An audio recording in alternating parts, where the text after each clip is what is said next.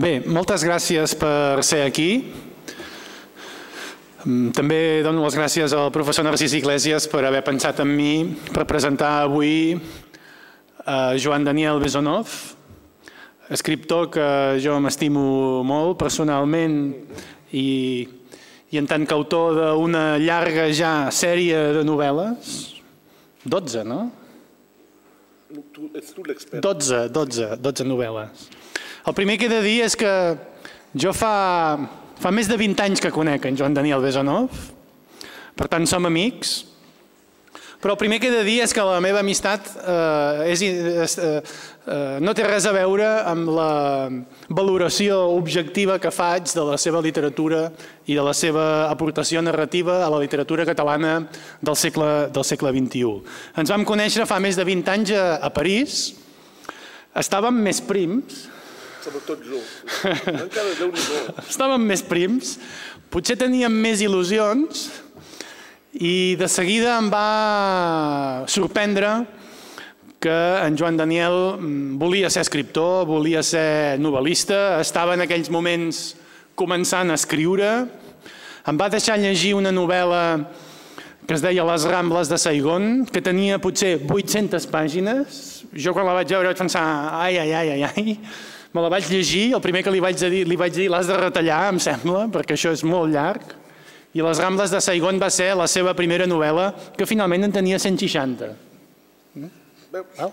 Veus? 160 em sembla més, més adaptat. Tots els llibres avui han de tenir 160.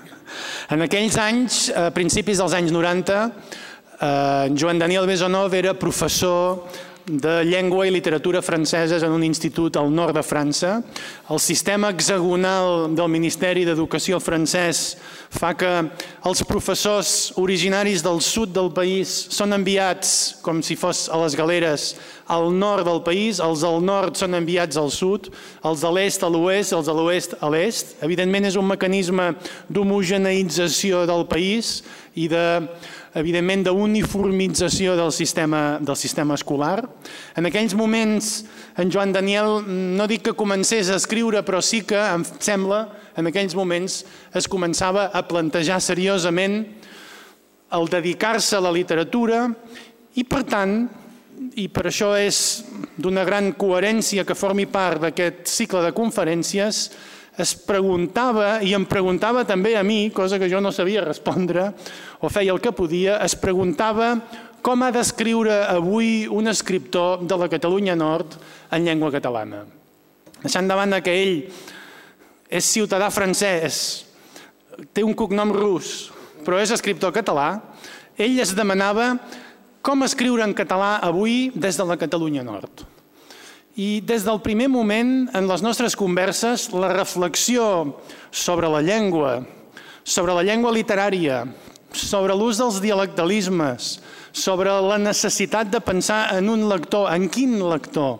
En un lector de Perpinyà, que no existeix potser, o que és minoritari, en un lector de Barcelona, en un lector de Mallorca, en un lector de València, en quin lector ha de pensar un escriptor des de la Catalunya Nord?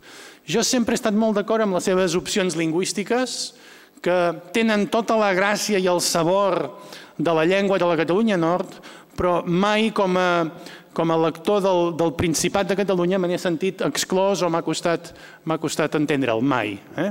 Per tant, és lògic que la reflexió sobre la llengua literària eh, sigui preponderant moltes vegades en les seves col·laboracions a la premsa, en els seus articles, en les seves conferències, perquè és lògic, a la Catalunya Nord la llengua catalana està agonitzant. No sé si estàs d'acord amb, aquest, amb aquest terme. Estem assistint a l'agonia de la nostra pròpia llengua 80 quilòmetres al nord.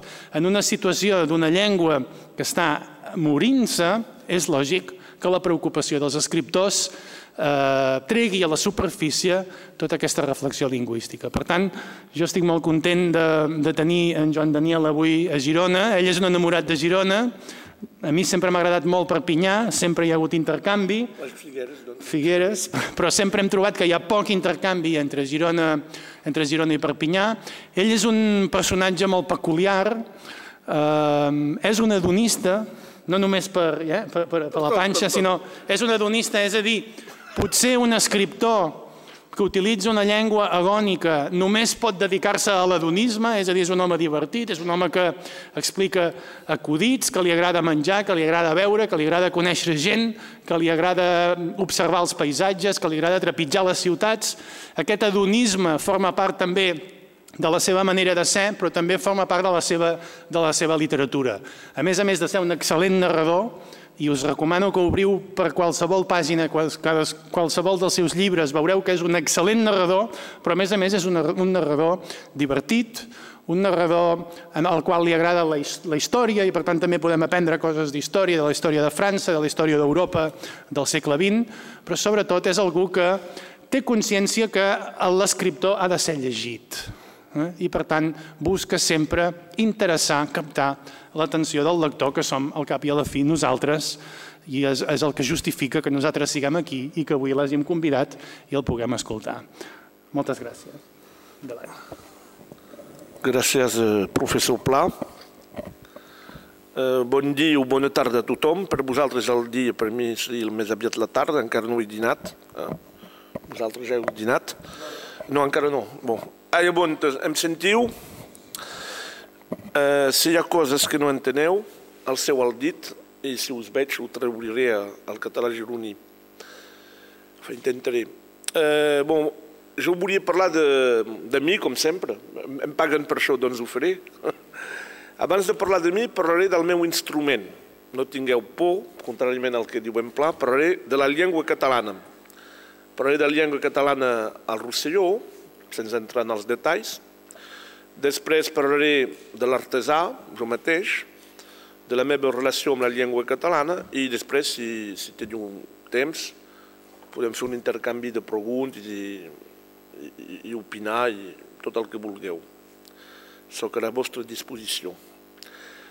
Eh, bon, primer, heu de pensar que mm, Perpinyà, eh, el Rosselló, tota la, totes les terres catalanes de França, actualment eh, sota administració francesa i per molts anys encara crec, doncs totes aquestes terres eh, fins fa poc eren totalment catalanoparlants. Eh, jo, eh, el català, ho explicaré després, eh, què va passar? Fins al segle XVII, fins al segle XVII, es parlava a Perpinyà exactament com a Figueres, quasi bé igual, vull dir com a, com a Figueres, com a Olot, exactament igual. No hi era, però n'estic convençut. I què ha passat? Eh, bon, no soc professor d'història, doncs no vull dir bestieses, però en fi, eh, el rei de França, l'exèrcit francès van annexionar el Rosselló i vist eh, la força de l'exèrcit espanyol se'l van quedar. A poc a poc eh, la llengua eh, va evolucionant, és a dir que aquí el català va seguir el seu camí i a casa nostra el nostre som un poc els sud-americans de Catalunya, som els, els peruans de, de Catalunya. Eh, bon, evidentment, hi ha la proximitat geogràfica, eh, no som tan lluny com Buenos Aires o, o, o, o Santiago de Chile, evidentment. Eh, ara, la llengua ha seguit camins diferents. Eh, per exemple, eh, no us adoneu de tot el vocabulari castellà que teniu, i bon, quan dic castellà, és a dir, que ve del castellà o que és compartit amb el castellà aquí. Bon, en pla hem tingut converses molt llargues sobre el tema. No sempre eh, el que dieu és castellà, evidentment, però molt sovint, eh, per exemple, he fet petits textos divertits, crec, en català i espanyol. És a dir, vaig al cine i tot el vocabulari és espanyol. Per exemple, una frase, per vosaltres elemental com, sempre ho dic, però és veritat, el pressupost de l'Ajuntament de Perpinyà segueix incrementant-se, a casa meva és incomprensible. Pressupost. No sé pas el que és un pressupost. L'Ajuntament, Ajuntament és acoblar, que entendrem que és el gos que va amb la gossa, això sí que ho podem entendre. Perpinyà sí que ho entenem, i segueix, segueix, que diu segueix, segueix, segueix mal pronunciat, que comprenem que és empaitar, seguir algú pel carrer. I incrementar, alors, incrementar, ja, aquí ja podem badar, incomprensible. Ara he descobert que en Itàlia es diu incrementare, doncs l'hem d'acceptar, eh, senyor Pla. Bon, vull dir, una altra vegada era a Barcelona... Com ho diríeu? Augmentar. No, continua. Bon, el budget, de, el budget de, de, de la ville de Perpinyà continua d'augmentar, per exemple. El budget de la ville de Perpinyà continua d'augmentar. És així, una barreja. Eh, una altra vegada, eh, un altre cop, era a Barcelona i hi ha una, una, una criada allà a l'hotel que me diu, eh, com ha dit això, vol, vol que li arregli l'habitació? Vol que li arregli l'habitació? Doncs la meva àvia no hagués entès. Voleu, vostè no ho diem més, voleu, fa, vostè sí que se deia, en fi, ara no, actualment no es diu, voleu que us adobi, adobar, és arreglar, adobar, i l'habitació no, l'habitació per nosaltres seria la casa, la vivenda. Nosaltres diem una càmera, l'habitació és on, on vius, on habites, diguéssim, la, la casa, vaja, el domicili. L'habitació no sabem el que és, nosaltres la casa, la, vull dir la càmera. Voleu que... Bon, per exemple, llavors heu de pensar que, com deia Georges Bernard Shaw, perquè com que sabia que venia en pla ja m'he documentat, Georges Bernard Shaw deia que els americans i els anglesos estan separats per la mateixa llengua els catalans igual. Eh, hi ha coses que dieu eh, no ten, que allà fan riu i viceversa. Per exemple, per nosaltres, una minyona, una minyona, la minyona és la noia, eh? la, la xica, la noia. Mentre que una noia, a casa nostra, és una gitana.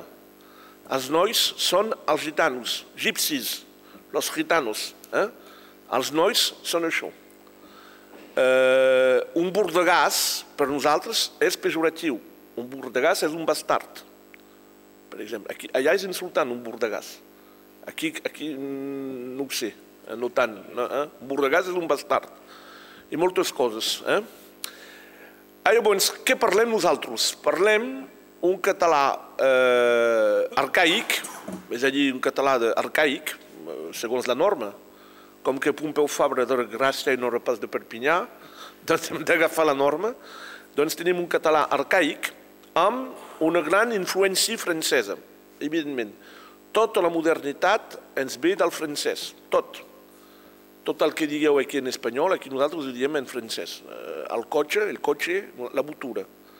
Eh, tot. Eh, seria, com dieu, carnet de, condu de conduir, no? Bon, permís de conduir, per exemple, no sé encara aquest rai. Però hi ha d'altres, moltes paraules, això és un fauteuil, un fauteuil, vosaltres una butaca, nosaltres un fauteuil, una corbata, no. és a dir, tot, tot, tot el, quasi tot el vocabulari que no existia fa tres segles el tenim en francès i vosaltres ho teniu en espanyol. Poc, bo, teniu coses bones, per exemple, l'entrepà, això l'entrepà és, una, és recent però és ben català, un cap de setmana. Això sí que és molt català. Nosaltres diem un weekend. com tothom, com tothom. com, diem al cap d'any, eh, per això. I la gran diferència entre el català nostre i el vostre, el català general, diguéssim, és sobretot els occitanismes. Llavors, sovint teniu l'impressió que, que el nostre català és molt afrancesat? No. Tenim un grapat de galicismes, en tenim, però no, no excessivament. El que tenim jo diria que el 80% de les diferències entre el català del Rosselló i del vostre són occitanismes, sovint, quasi sempre. Eh, atudar, sabeu el que és atudar? Te cal atudar el llum, apagar, atudar. El cambajú, el pernil, eh, no ho sé, un munt, un munt, un cutiu, sabeu el que és un cutiu? De, això, home, deixo un cutiu, l'erm, l'erm que existeix en Occitat també, allà en el problema diuen l'hermadàs, l'herm, l'hermadàs, no? un cutiu. Llavors, sovint, quan em, si, em, si em feu l'honor de llegir-me, al plaer, si una paraula que no enteneu, és que és occitana, quasi sempre, quasi sempre. O que teniu un, un català pobre, també, això pot passar. L'un no treu l'altre. tenim unes... No, és això. Doncs arribem al segle, fins als anys 40, fins al 1950, el català era la llengua de, de, dels catalans del Rosselló. Tots els catalans parlaven català, tots. Jo, eh, quan era petit, doncs als anys 60, eh, el català era la llengua, com aquí, vaja, fa, més que aquí actualment. Eh, és a dir, eh, que, que, vull dir, llavors, eh, ara explicaré la meva vida, el meu pare era militar mon pare és mig català, mig rus, és per això que tinc un cognom rus, això està explicat als, amnesi... als taxis del ZAR. Eh, tenia un avi rus i els tres altres són catalans. I jo, quan era petit, mi em parlaven en francès. I vivia a França en dins. Doncs jo, jo parlais francès com tot el món. I per les vacances anava a Perpinyà, a Nils, a casa dels avis, i el català no el parlava, però l'entenia, evidentment. Home, és una llengua romànica, com la teva, que sents a cada moment, que t'interessa més, no és gaire complicat. De tant en tant hi havia una cosa que no entenia, un ganivet. Què és això, el ganivet? Ah, el cotó. I recordat per sempre. Ja compreneu, sistemàticament. Eh, bon, I jo, en aquell moment, tenia sis anys eh, i feia filologia primitiva. Ningú no m'havia ensenyat res i havia notat que, per exemple, que, la, la de, de Bach, crec que se diu, en francès fa che, le cheval, le, le, la vache mange dans le pré sous le château. La vaca menja en el prat sota el castell. Dir, eh, tenia, això ho vaig descobrir, no és en Pompefort que ho va descobrir soc jo, quan, quan tenia sis anys. I quasi sempre, quan s'acabaven at en català, s'acabava en francès en e, excepte el soldat, el soldat, no el soldé. Eh, però quasi sempre, el, el, i això ho vaig notar, i m'interessava. Ah, llavors, en aquell moment, eh, tothom, tothom parlava català, tothom. I a poc a poc, a partir dels anys 40-50, els catalans del Rosselló, i això passa a tot França, passa a la Bretanya, eh, al País Basc francès, a tot arreu, van decidir d'una manera espontània de passar al francès. És a dir, van decidir que d'ara endavant calia parlar francès a la mainada. Per què ho van decidir, això? Ho van decidir per, la, per a nosaltres. És a dir, que l'accent català en francès és molt espès, molt. Eh, I si tens el català com a llengua materna, i si parles francès, tens un accent molt marcat, que, que et prohibeix de tenir moltes feines interessants. És veritat. Eh, el meu oncle, per exemple, que, que està català parlant de naixement, quan va a partir de, de Lió no l'entenen. No l'entenen. Alors je voudrais acheter un, un biftec. Pardon, pardon, és que no entenen. No, no és mala fe, és que, és que és una fonètica diferent, és, és, ho saps tu, és una altra llengua i no entenen. Heu de pensar que eh, les terres catalanes a França és com si ni són les Alpujarras, representen 0,0% de l'estat francès. Vosaltres, eh, Catalunya, eh, Espanya sense Catalunya, és com una persona si perd la vista i, i, els, i, i els braços o les cames. Eh? Nosaltres, si, si Catalunya Nord fos annexionada per Catalunya o per Espanya, seria la meitat d'un ungle, ni tan sols, ni es notaria, ni es notaria. Nosaltres som eh, tres carrers de Girona, sí, més o menys, o quatre de Girona, no som res. Eh, aquí podeu parlar d'espoli fiscal, és evident, vull dir, eh, fins i tot el senyor Pujol se n'ha donat que hi ha un espoli fiscal. A casa nostra no, al contrari, França gasta més diners del que rep. Nosaltres som... Eh, els andalusos som, som els instruments de França, nosaltres. Som els, som els andalusos de França, la veritat. Sí, doncs no ens podem queixar en aquest aspecte. Al contrari, al contrari.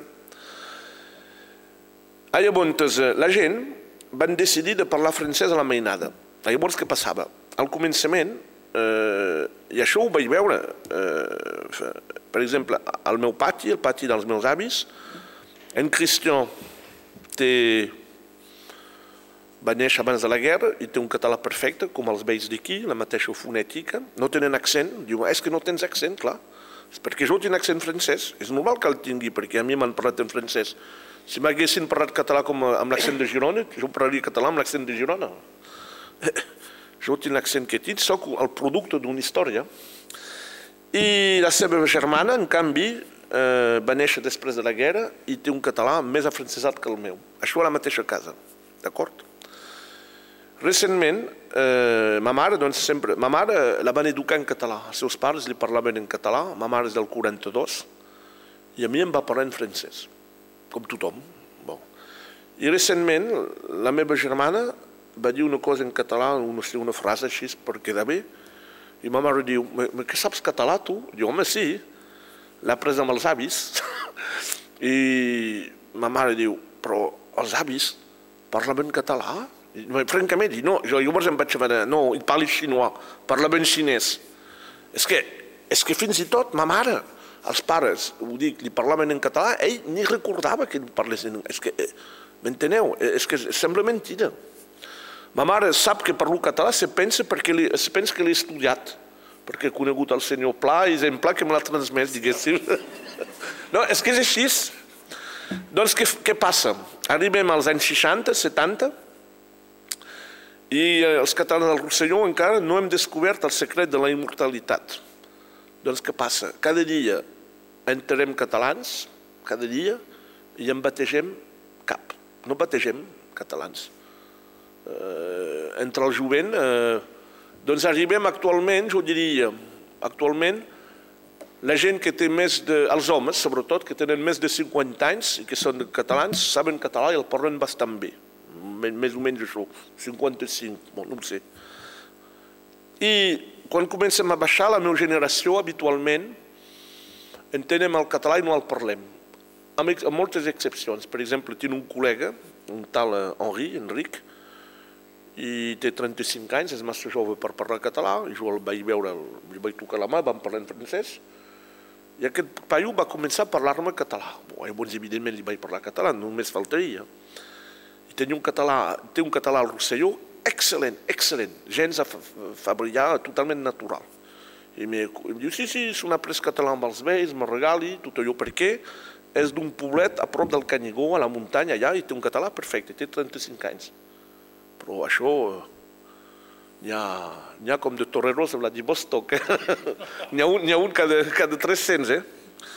Doncs assist, arribem, eh, arribem a una cosa molt greu, doncs els vells es van morint, d'aquí 30 anys ja no tindrem català parlants de naixement, i ara que tenim, tenim gabatxos a tot arreu, evidentment, francesos, i catalans renegats, i tenim també uns catalans que, que, que, que volen recuperar el català. Llavors, què passa? Ja el català, dissimuleu, de Pere Codonyan, és a dir, eh, català, eh, català de, de Barcelona, enfin, català eh, fabrià amb faltes, evidentment, parlat amb accent francès. Arribem a aquest resultat. Jo sóc, amb el meu català deficient, sóc l'últim que hagi sentit el català a casa, encara l'he sentit. Ara hi ha gent que el català l'aprenen amb digui o amb discurs, amb, amb, amb l'ordinador, amb el PC, aprenen català així. I arribem a, a... Doncs tenen un coneixement del català, diguéssim, central molt correcte, evidentment, però hi ha coses elementals del català russià que ni saben, ni saben el que és un ca, un gos, un ca. Ni, uh, ho he vist jo. Això estarà gravat, però ho haureu de tallar. Per exemple, vinc de, acabo de, de corregir eh, eh, exàmens allà eh, per ser professors de català a França i tenen un nivell lamentable. No podeu imaginar el nivell que tenen. Lamentable. Els, els, els, enfin, això quedarà entre nosaltres. I són els futurs professors de català. És que ni saben fer les contraccions d'als... No, no, doncs eh, arribem... Eh, no, el català ja és aguditzant. Això és evident, eh, no ens enganyem. L'únic aspecte positiu són ja escoles catalanes. Doncs foten escoles catalanes a tot arreu. Això fa, està molt bé. Però aquesta gent pren un català de robot. No és el català transmès de parts a fills, és un català de robot amb accent francès. Llavors, a la Bressola eh, són gent, els mestres venen del sud, doncs la mainada té un català bo, no tan bo com el francès, però és un català bo. I tinc alumnes que surten de la Bressola que tenen un català bo. En canvi, a Arrels, a Lluís, és la R d'Arrels, doncs tenen la, la R francesa. I si carai, eh, he aparcat el carrer, eh, no, eh, allà ni parlen català correctament. Llavors imagineu quin català pot parlar la mainada. doncs eh, això fa que actualment i per molts anys segurament, soc l'escriptor català més jove al Rosselló, perquè en Lluís Lluís és del juny del 63, jo soc del setembre. Donc, i, I no hi ha relleu, no hi ha. I per què no hi ha relleu? Perquè per eh, escriure en una llengua cal conèixer per començar. Eh? Cal tenir un cert nivell. Llavors, la, la situació és dramàtica. El que tindrem, hi ha un llibre extraordinari, fa excel·lent, que s'acaba de publicar en francès, perquè com tots els bons llibres, la bonne littérature française, enfin, été, és el, eh, se'n diu, eh, com se'n diu, un tal l'identité du Roussillon, l'identitat del Roussillon. I aquí ho explica molt bé, el futur del català, allà.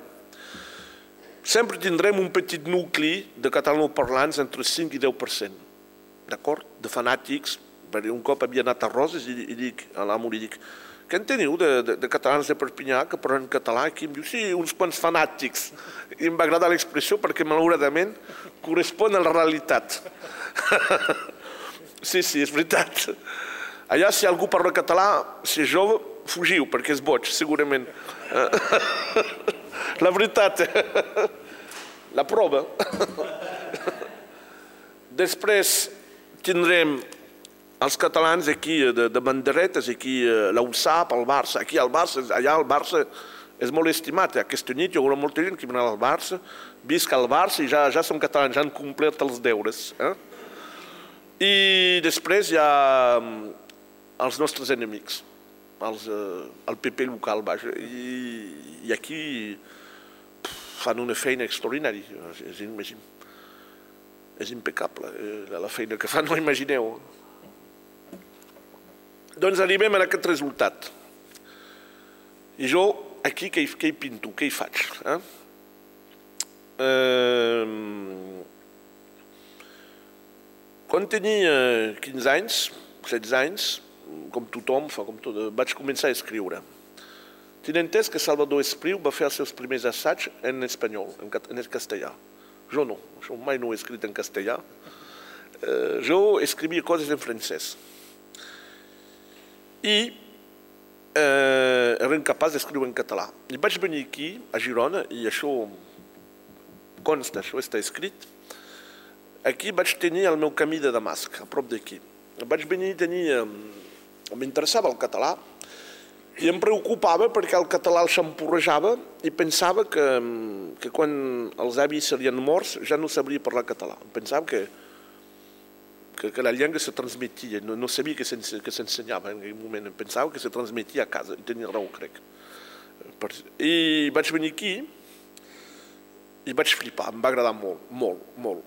Eh, vaig veure que això era un Perpinyà millorat, que, eh, era extraordinari, extraordinari. Bon, vaig tenir uns quants disgustos, vaig arribar, a, vaig sortir de l'estació de ferrocarril, plaça d'Espanya, crec que se diu, allà hi ha un quiosc. I vaig, jo em pensava que aquí tothom era oculta, eh, desvellat i feliç. Eh? Arribo aquí i dic, hola, bon dia, què, què teniu, Bearn? Jo volia llegir Bearn d'Eugène Villalonga. Em diu, què, què és això, Bearn? És un joc? Doncs el gran clàssic, avui si hagués anat a Perpinyà, vous avez Madame Bovary, això ho sabien, aquí, que tenen un Bearn, no ho sabien. El tret d'això, em va encantar, em va sorprendre molt de veure tota la canalla parlar català. Per mi era extraordinari. Que els, que els vells parlin català és normal, això de sempre, que la gent d'una certa edat parlin català és normal, però que tanta canalla parli català, no que hi hagi tantes noies bones que parlessin català, per mi era formidable, perquè el català per mi és una llengua de, de senyors, no de, de, de jovenetes. La primera vegada que vaig fer l'amor en català, eh, fins i tot, eh, ho dic perquè no, no ho dic pas per xafarderia o per impudor, sinó per explicar-vos una anècdota interessant, és que em costava... Eh, vull dir, era una transgressió, era com un incest, compreneu? Eh, no, no, en espanyol m'hauria anat bé, eh, i en català les preguntes íntimes, és que em costava, era la llengua dels avis, compreneu? Eh, em va costar, t'ho havia comentat, no? Era una... No, puc, no, vull, no vull entrar en els detalls, però vull que entengueu. I no sé quanta gent han fet l'amor en català al Rosselló que no siguin d'aquí aquest, aquesta setmana. Crec que potser tres o quatre vells, però en fi no m'ho crec. No, és que és veritat. Això vull dir, una llengua té àmbits a tot arreu sí o no? I allà no, allà no, allà el català serveix per als enterros, per anar a caçar, per anar, però per fer l'amor, mai, home. Le français, c'est la langue de l'amour. Llavors, eh, vaig venir aquí i vaig flipar. Vaig anar a la llibreria, encara que no sé si existia el, la llibreria 22, vaig entrar a la llibreria de les voltes del senyor Matamala, allà.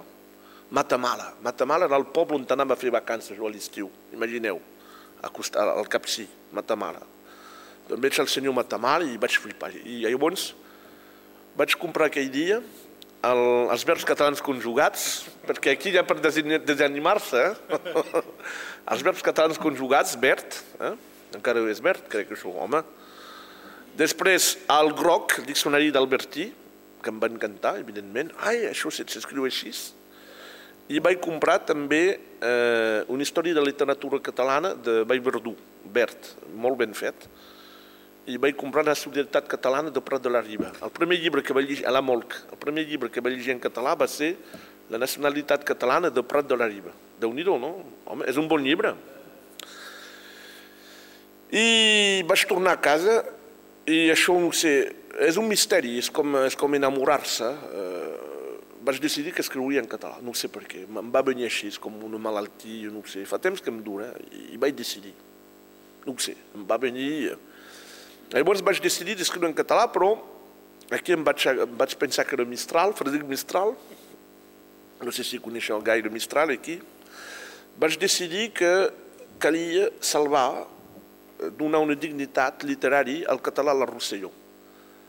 Eh, és a dir, el català d'aquí hi ha gent que ho fan molt bé, eh, que han mostrat la plasticitat de la llengua catalana, teniu la Mercè Rodoreda, Josep Pla i, i Sagarra, teniu gent escriptors extraordinaris.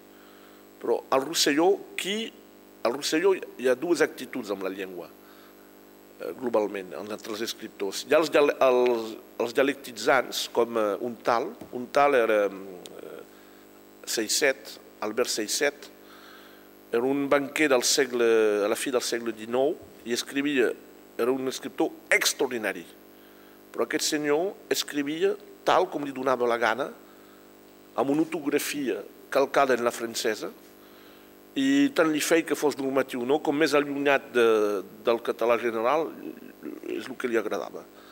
I aquest senyor eh, era molt, molt, molt... Eh, era el català que es parlava, el català que, que rajava, tal, tal. i així és molt interessant per als lingüistes. Però on vas amb aquest català? Ningú no t'entén. A Rosselló encara, no tothom, i aquí eh, costa molt, és com si fos, eh, no sé, portuguès, gallec. I si no, hi ha altra gent, com eh, Jordi Carbonell, que escriuen un català, eh, no català, que és bonic el català d'aquí, no, un català totalment fabrià, però més fabrià que Fabra. És el català de, que fa servir eh, Carles Riba, el, el pròleg del diccionari, vaja, un català així, com deia Pons, de necròpoli, un, un llatí, vaja, un llatí eh, decadent. Eh? És això, jo no, jo no vull escriure això. Jo volia escriure que volia que tothom, que els catalans em poguessin entendre, de Sals a Guardamar i a l'Alguer, és això que vull. Llavors, quan escric, escric el meu, i després a veure si això en Xavi Pla ho entendrà. A veure si en Víctor de Sueca ho entén. A veure si n'Antoni d'allà, de, de, de les illes, ho entén. És això. El primer que l'escriu amb tota l'espontaneïtat, i després cal pastar, com un nen petit, exactament això. Teniu aquí el fang i el nen petit s'ho passa bé, fa el seu castell, amb la sorra, jo faig igual. Cal que, cal que el context eh, afavoreixi la, la comprensió de la paraula desconeguda. Si dic, per exemple, me'n vaig a casa, el camí fa pujada, aquí tothom m'entén, no cal que canvi res. Ara si dic que si un mal a caminar, se pot entendre això, ho veig. Llavors faig experiments, truco i a veure, noi, si t'he dit que això m'entens? Cada frase, jo de fet no és novel·la, novel·la que faig, és poesia. És a dir, que treballo cada mot, cada mot, cada mot. I és això que faig. Mirar de...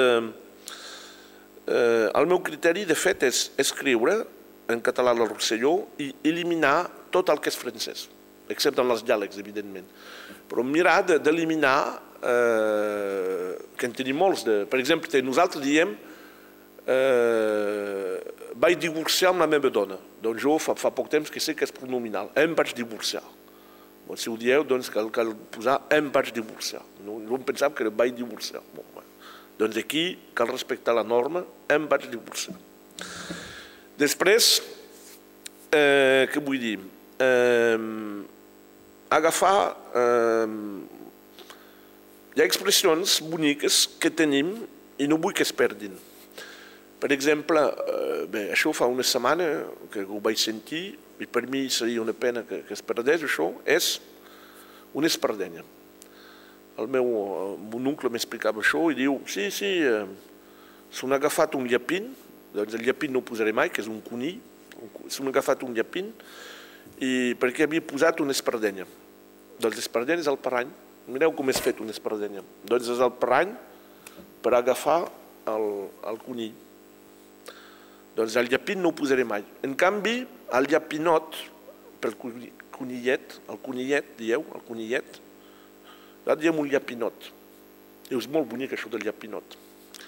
I aquí em sap greu de no posar llapinot. Llavors, no posaré llapin, que és més francès, però el llapinot posaré, al mateix paràgraf, posaré el conillet, perquè tothom entengui que és un conillet, i un moment posaré llapinot i, i així el lector entén que el llapinot és el conillet. Enteneu? És això el que faig. No sé si em seguiu. Sí, sí.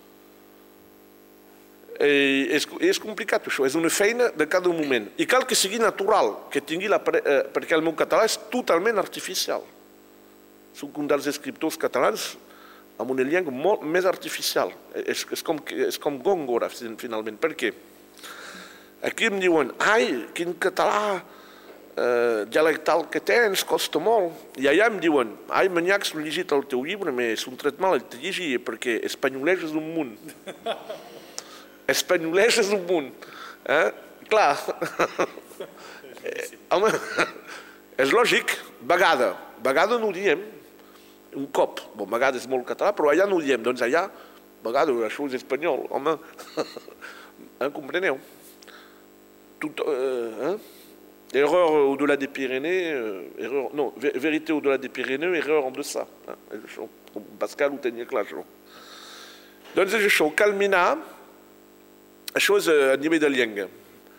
Després depèn del, diguéssim, del, del, de, de l'àmbit. Per exemple, aquí he mirat de, de parlar un català bastant normatiu. No sé si ho he aconseguit, però el meu objectiu, perquè és una cosa universitària i cal que la gent m'entengui, doncs he, he fet el que, el que he pogut, no el que he pogut, el que he pogut per expressar-me en un català bastant fabrià.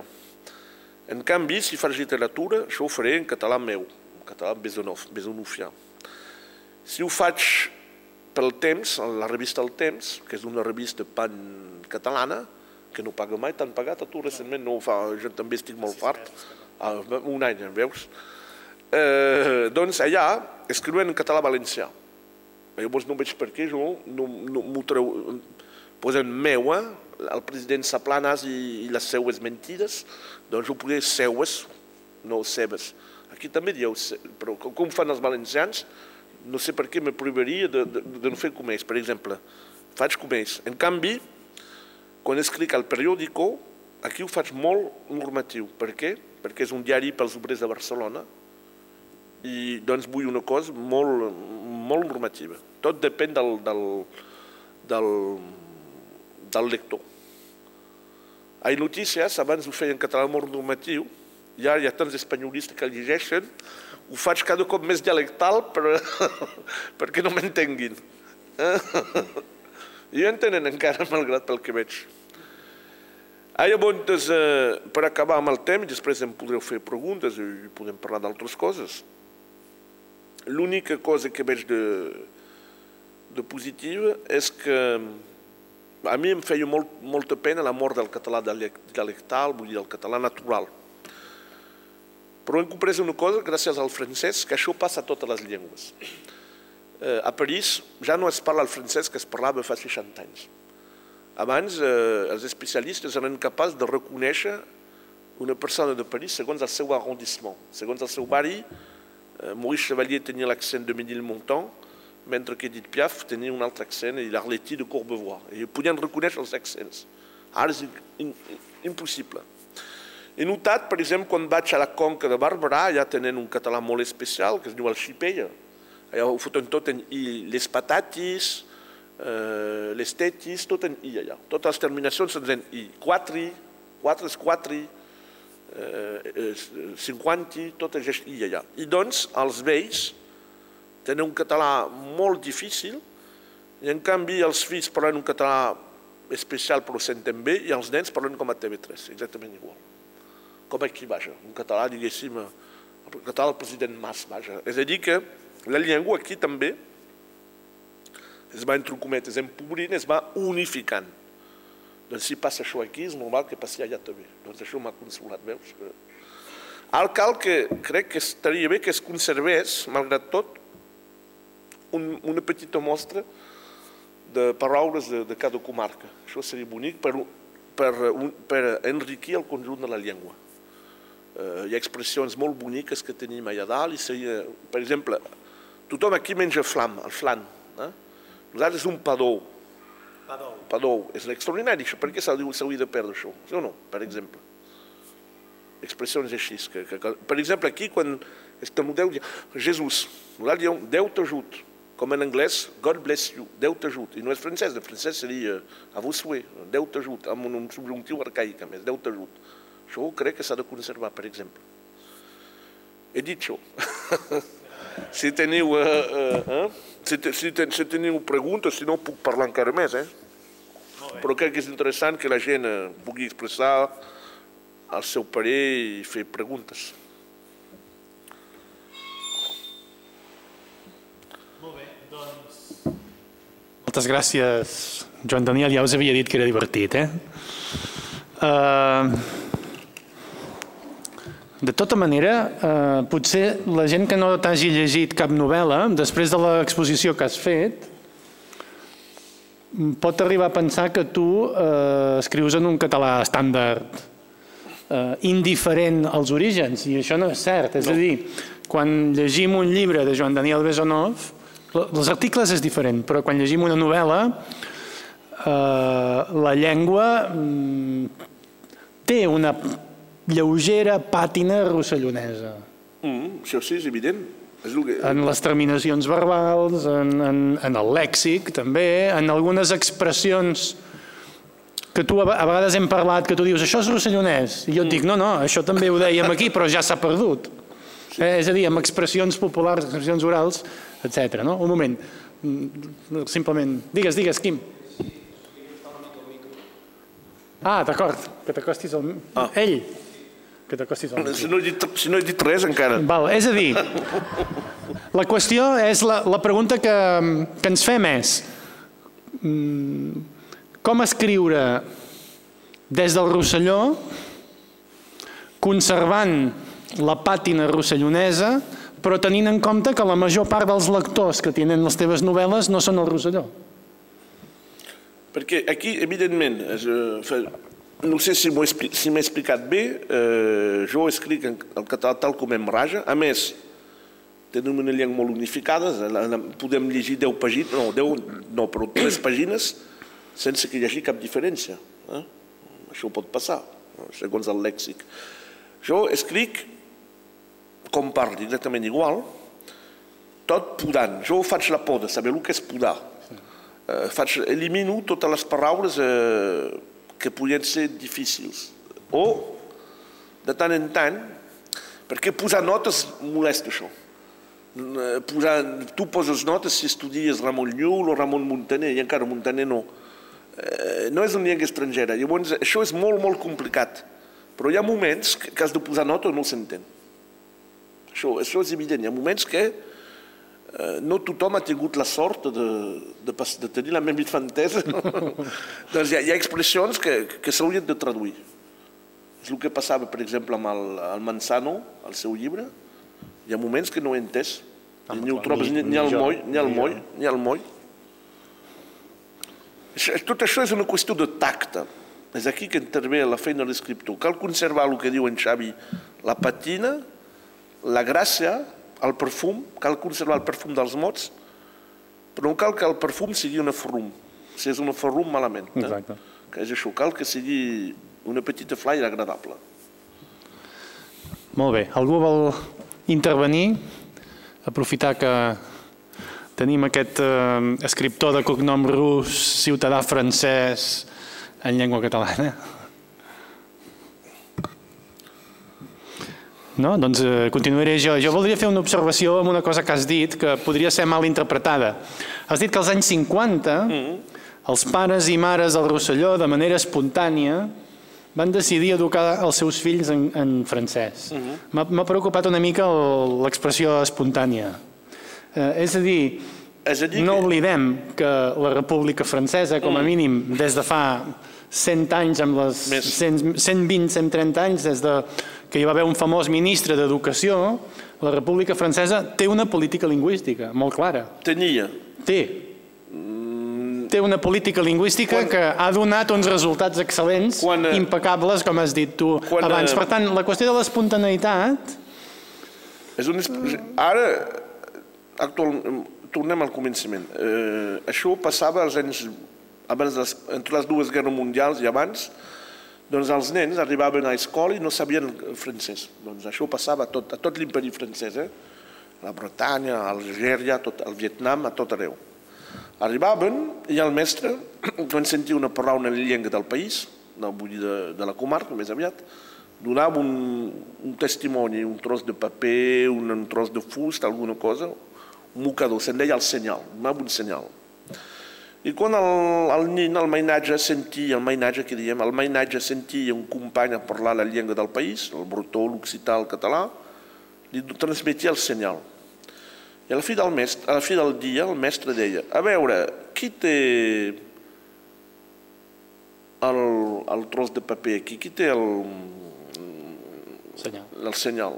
Llavors hi ha un que alçava el dit, doncs tenia una clatellada, el mestre li deia de tot, l'increpava i havia d'aprendre un poema, La Fontaine, alguna cosa molt feixuga així, l'havia d'aprendre per l'endemà. Doncs això, aquesta era una humiliació constant. Heu de pensar que en aquell moment Espanya era una potència de, totalment decadent, que havia perdut l'imperi colonial. França era el segon país del món amb Anglaterra. Era un país eh, que tenia un imperi colonial, que tenia el millor exèrcit del món, Eh, tenia una literatura fabulosa, era un país que tenia prestigi. Això, això ajuda molt.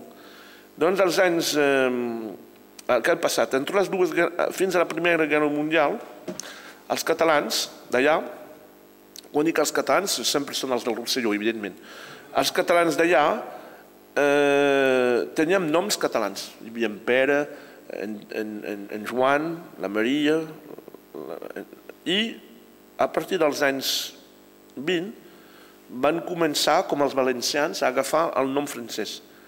És a dir, eh, en Jorge eh, farà el sant per Sant Jordi, per exemple. Doncs els sants conservaven el nom català, el poble conservava el nom català, la llengua era el català, però la gent, quan s'autodenominava, parlava francès. Déu, en Pierre, en la, eh, i això ja és significatiu. És a dir, la gent comença a sentir-se francesa, perquè conserva el català d'una manera totalment desma, eh, és la rutina, però sentimentalment la gent se sent francesa. Això és extraordinari, fins i tot teniu escriptors molt dolents, però molt interessants, com l'Enric Danoy, Henri Danois, que fa poesia patriòtica eh, francesa en llengua catalana. És extraordinari. Eh? eh fa l'elogi de França en català, però un patriotisme totalment eh, eh nivell torrente, veieu? Total, lamentable, vaja. I eh, als anys, eh, arribem als anys 40 i aquí doncs, hi ha hagut eh, les dues guerres mundials, la gent ha perdut fills a la guerra, ha perdut un germà, i és difícil explicar a la gent que, que has perdut el, el teu fill a Verdun, que tu no ets francès, que ets català. A més, heu de pensar que Catalunya no existeix. Què és Catalunya internacionalment? Eh, és una, Actualment hi ha una generalitat, però abans que hi havia res. Eren quatre províncies eh, d'un país endarrerit que se'n deia Espanya, però la gent no era res. El català era una llengua que...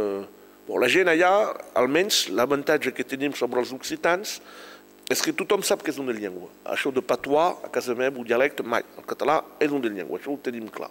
És l'únic avantatge que tenim. eh, perquè allà a Occitània diuen sempre le patois. La gent normal diu le patois, no diuen l'occità, le patois, sempre.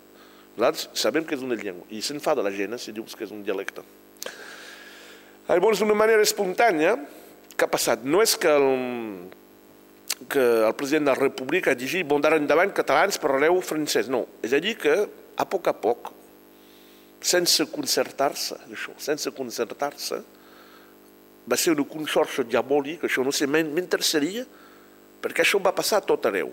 Es pot criticar l'actitud, eh? per exemple, en Riera aquí és un botifler, botifler no s'entens a casa meva, hi ha, hi ha tants que és una paraula que no cal fer servir. doncs aquest és un botifler, eh, ha passat al francès, mira que parla francès a la mainada, és, és un mal català. És que això ha passat a tot arreu, quasi a tot arreu. Doncs es pot culpar l'actitud d'una persona, això sí, però no es pot culpar l'actitud de tot un poble, sinó això és nazisme. Tot, eh, allà. No hi ha catalans de segona i de primera categoria. Els d'aquí heu conservat el català, sou supercatalans, i nosaltres allà som catalans inferiors. No, hi ha un context diferent. Estic convençut que amb una bona administració francesa aquí 50 anys, la cosa hagués canviat n'estic convençut. Però, Joan Daniel, la, els elements bàsics de la catalanitat aquí passen per la llengua. Mm.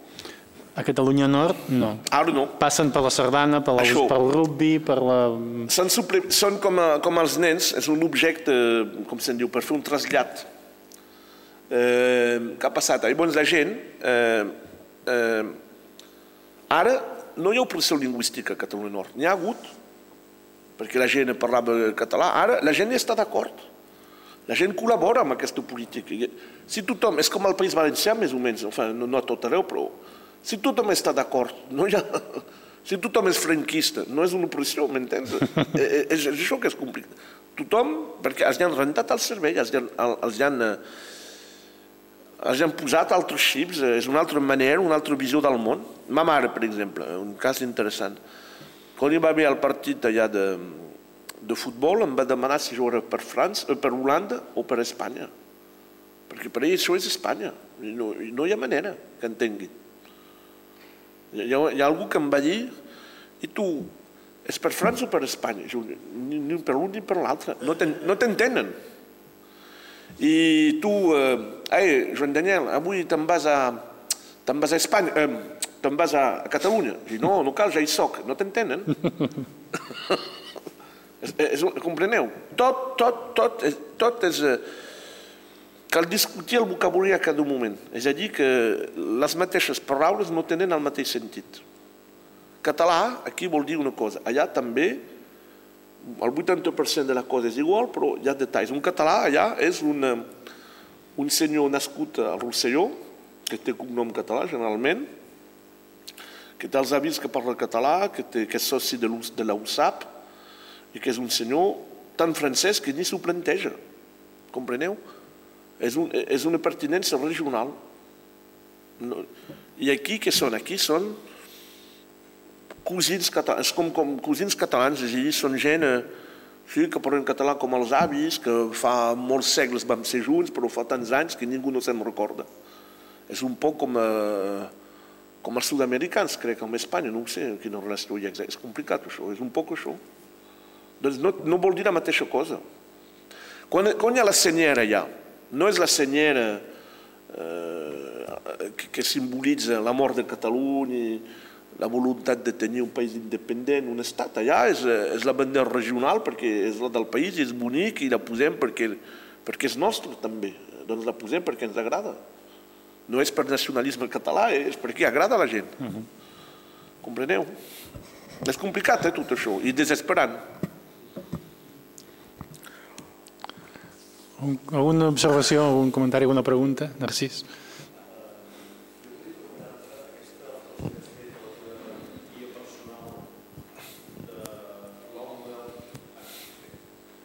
Gràcies.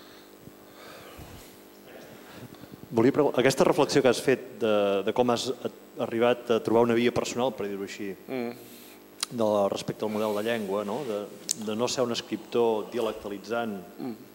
ni ser un escriptor que pogués passar com un escriptor del català central sense cap més matís. Aquesta via intermèdia que tu has explicat, que, que has anat trobant, l'has fet, és una evolució, és diguem, una reflexió que has fet tot sol. Eh, això ja, ja m'imagino que sí, però vull, el que volia preguntar-te és, hi ha, has trobat referents o eh, evolucions paral·leles a la teva, en altres àmbits, per exemple, de les illes o, o del País Valencià, que t'hagin ajudat a fer aquesta reflexió, o és una mica, tu has hagut de buscar-te la teva via pròpia i, i, i prou? Això d'una banda. De l'altra, tu que coneixes també la literatura francesa, pots, ja, tens exemples o tens, has trobat referents en, el, en la literatura francesa que t'hagi... Clar, no, que el cas francès és diferent, no? però no, clar. Del, respecte diguem, al francès regional d'algú que l'hagi utilitzat literàriament i que hagi intentat plantejar-se problemes similars als teus? Jo, jo diria, perdona, jo agafaria els sud-americans com a exemple, sí. els argentins. Mm -hmm. És a dir, de fer, a la meva manera, de, de fer això, de fer... De, com, a, com Mafalda, vaja. Mafalda escriu un, un argentí, però és un argentí un xic eh, hispanitzat, en cometes. Eh, no és ben bé l'argentí parlat allà, és això, com Mafalda, diguéssim. Jo vull ser Mafalda, la Mafalda de les lletres catalanes. és a dir, eh, ho he mirat de fer. Hi ha gent que després ho he descobert que ho han fet. Eh, en Danoi, per exemple, l'Enric Danoi, que és un escriptor que va néixer en 1859 i es va morir el 1928, doncs aquest senyor eh, ho feia això. És a dir, un català a la Rosselló, que sigui un català eh, estàndard, que, que sigui amb forta influència rossellonesa, és això. Pons també ho feia. Pons és diferent, Josep Sebastià Pons, perquè és poesia. Però Pons també era un bon representant. Eh, en canvi, hi ha un que, que és difícil de seguir és el Jordi Pere Cerdà, perquè hi ha moments el trobo massa dialectal i d'altres moments, en canvi, és massa, massa eh, Cerdà, és complicat. Crec que ell bon, era un bon escriptor, però crec que no sabia, no havia perquè potser no era universitari, no havia tant reflexionat en ell. Jo en moments el trobo massa dialectal i d'altres moments massa, massa central. És complicat això. Bon, ara és mort, en fi. No, és, és molt complicat. Jo miro de fer com els sud-americans, o els americans que escriuen en anglès, eh, que sigui britànic també. És això. És que en català hi ha pocs referents. Eh? Eh, si no, eh, potser és el que fa un poc francès, Joan Francesc Mira. És així, és a dir, un valencià plausible. O, el que m'agrada molt, la traducció, al nivell de llengua, és la traducció de, des essais de Montaigne per la Robinson. És això que crec que cal treballar en aquest sentit. És això que crec. Més fins i tot, és, el que hi ha és que és la mateixa cosa. Nosaltres eh, que, que parlem un gironí afrancesat, eh, només, eh, vull dir, és la mateixa cosa, eh, no ens enganyem. La fred, diem. La fred, dieu? La fred, clar. És exactament igual. Si elimineu tot el vocabulari de Barcelona, aquí teniu el mateix català que, que, que Perpinyà, igual. Eh? Però tu ets professor en un institut de, secund de secundària sí, al centre de la ciutat de, Peri de Perpinyà. No, no al centre, però a Perpinyà mateix, sí.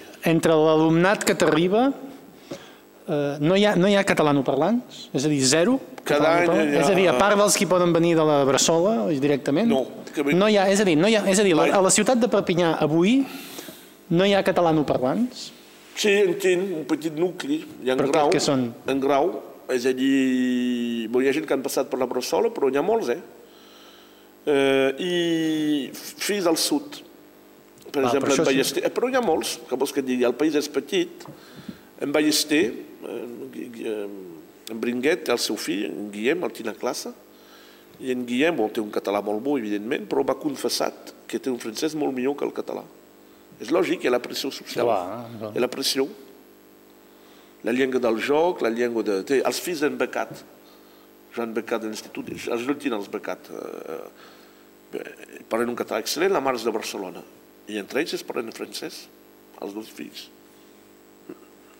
I el parlen eh, amb vosaltres, el parlen català. I són del Barça i tot, però mira, és la realitat del país. Jo al matí, per exemple, quan vaig a la feina, quina ràdio poso, segons tu? France Inter o Catalunya Ràdio? France Inter. Home, i tant. De quan en quan ja veure el que diuen allà, ho poso, però és un esforç. És que no m'interessa.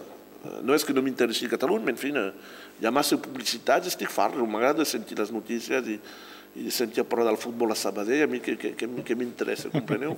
No. Que a mi m'interessa molt el punt, el diari El Punt, perquè és molt a prop, clar, doncs eh, saps que una rotonda allà, un supermercat, això m'interessa. M'interessa més el punt que, que l'avui, per exemple. Evidentment. Ara són el mateix. És per això, és per això. Sí.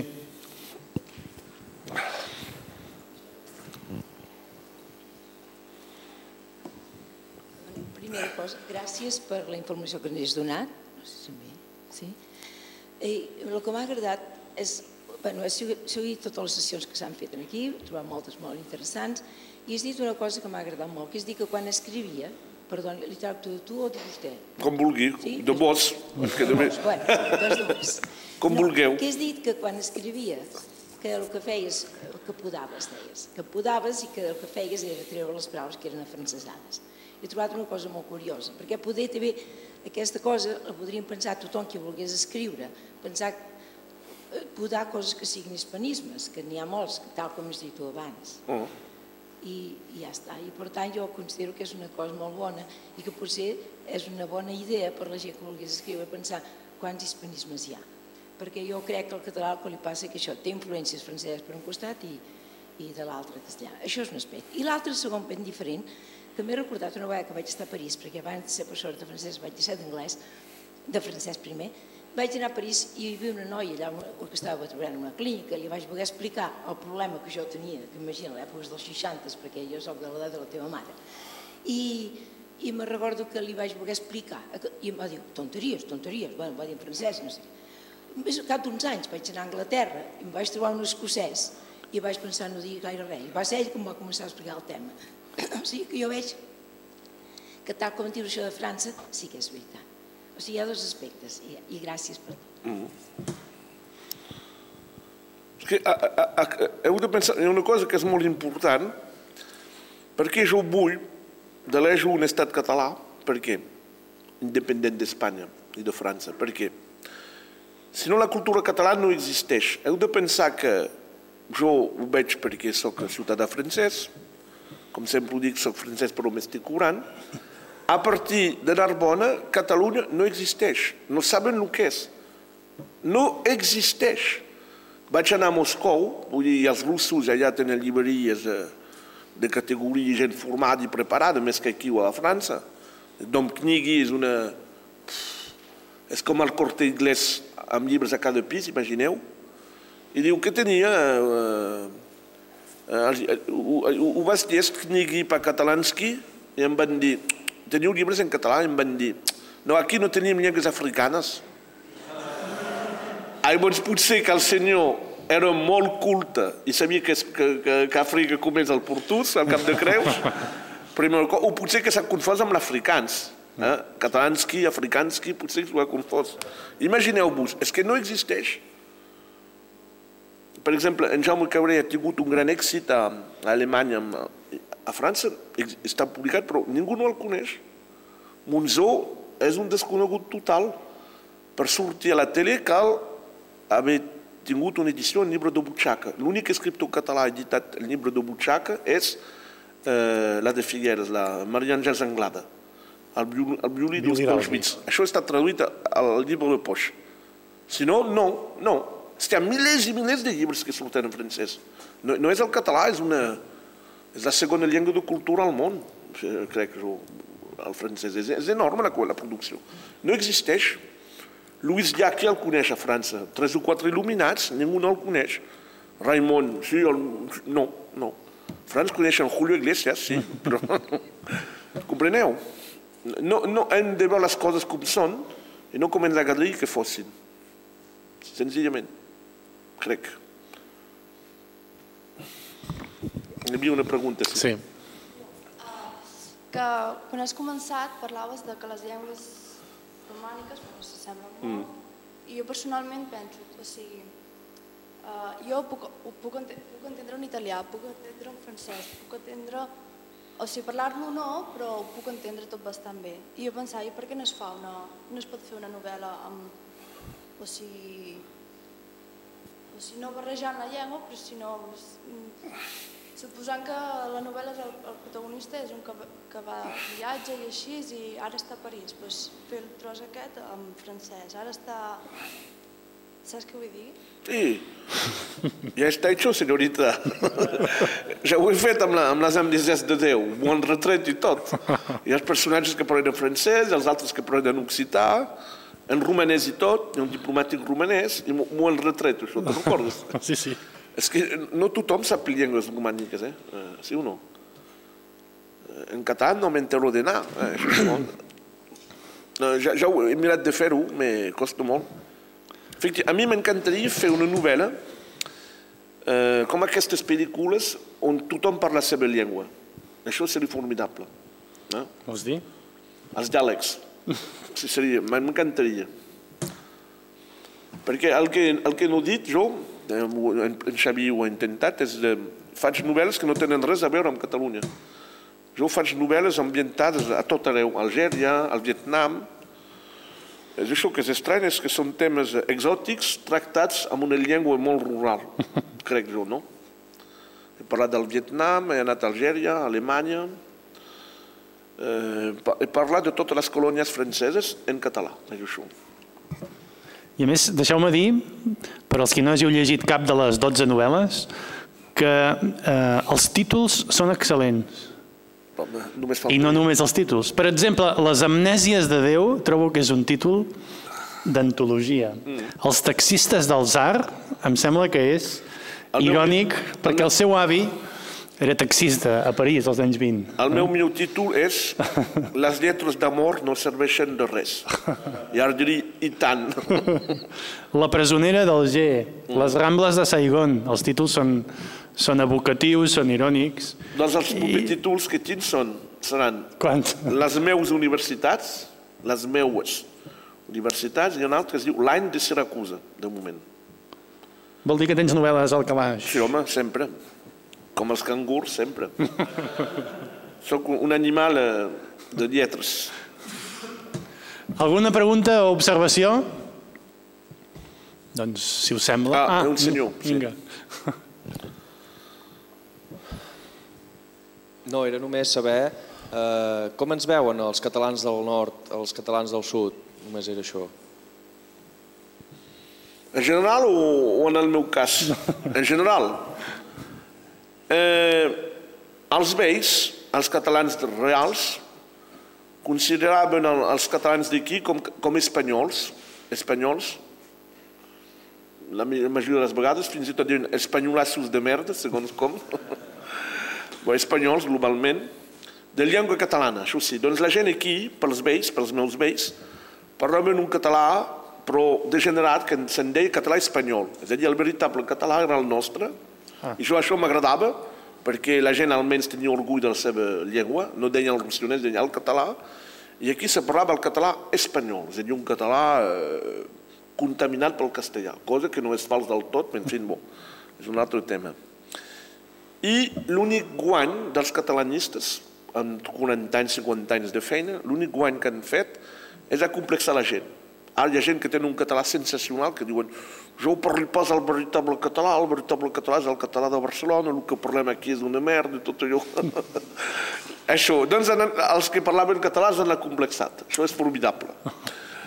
I eh, actualment hi ha una, un sentiment d'inferioritat. És a dir, que Catalunya és Califòrnia, de fet. Nosaltres eh, allà és eh, una regió eh, totalment abandonada, hi ha vinyes eh, i erms, la gent ha, d'anar fent dins per guanyar-se les garrofes, i venen aquí, i aquí hi ha zones comercials a tot arreu, zones industrials, hi ha, hi ha cases, aquí és modern, eh, i allà és una Catalunya, diguéssim, moderna, i això els agrada, doncs hi ha un petit orgull. També hi ha el Barça, això compta molt, doncs hi ha una, jo diria, una certa, no és un sentiment de, de pertinença patriòtica, jo diria hi ha una simpatia moderada, eh, una simpatia admirativa, però també la gent viu, viuen allà perfectament sense pensar en aquí, eh, tothom fa la seva. Ja, sí, són simpàtics, ho saben fer, però no hi ha un sentiment de germanor, en general. No hi ha hostilitat, hi ha una Són cosins, ja està. No sé, és complicat d'explicar, són cosins.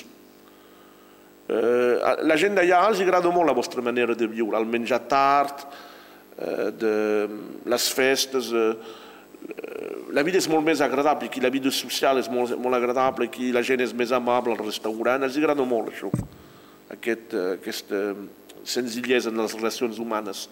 Allà són molt més creguts, allà són francesos, són més reservats. Som del nord allà, de fet.